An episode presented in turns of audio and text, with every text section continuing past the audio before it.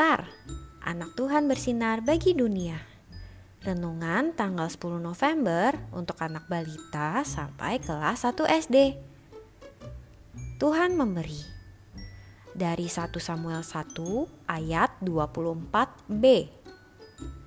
Dibawanyalah dia dengan seekor lembu jantan yang berumur tiga tahun satu eva tepung, dan sebuyung anggur, lalu diantarkannya ke dalam rumah Tuhan di Silo. Pak, lihatlah, ada orang yang kelaparan di depan rumah kita. Mari kita beri ia makanan.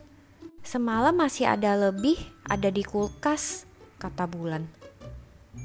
Anak yang hebat, Bulan adalah anak yang baik.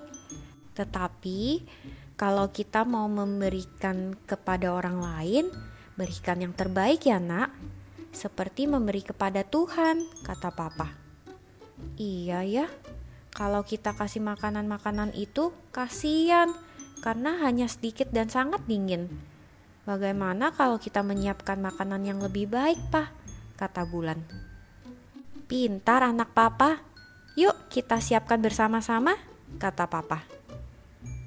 Adik-adik, ayo belajar dari bulan yang memberikan yang terbaik kepada sesama, seperti untuk Tuhan. Apakah adik-adik sudah memberikan yang terbaik untuk Tuhan?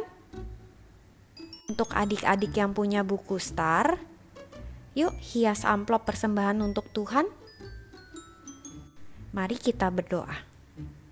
Tuhan Yesus, tolong aku untuk selalu memberikan yang terbaik. Terima kasih Tuhan Yesus. Amin.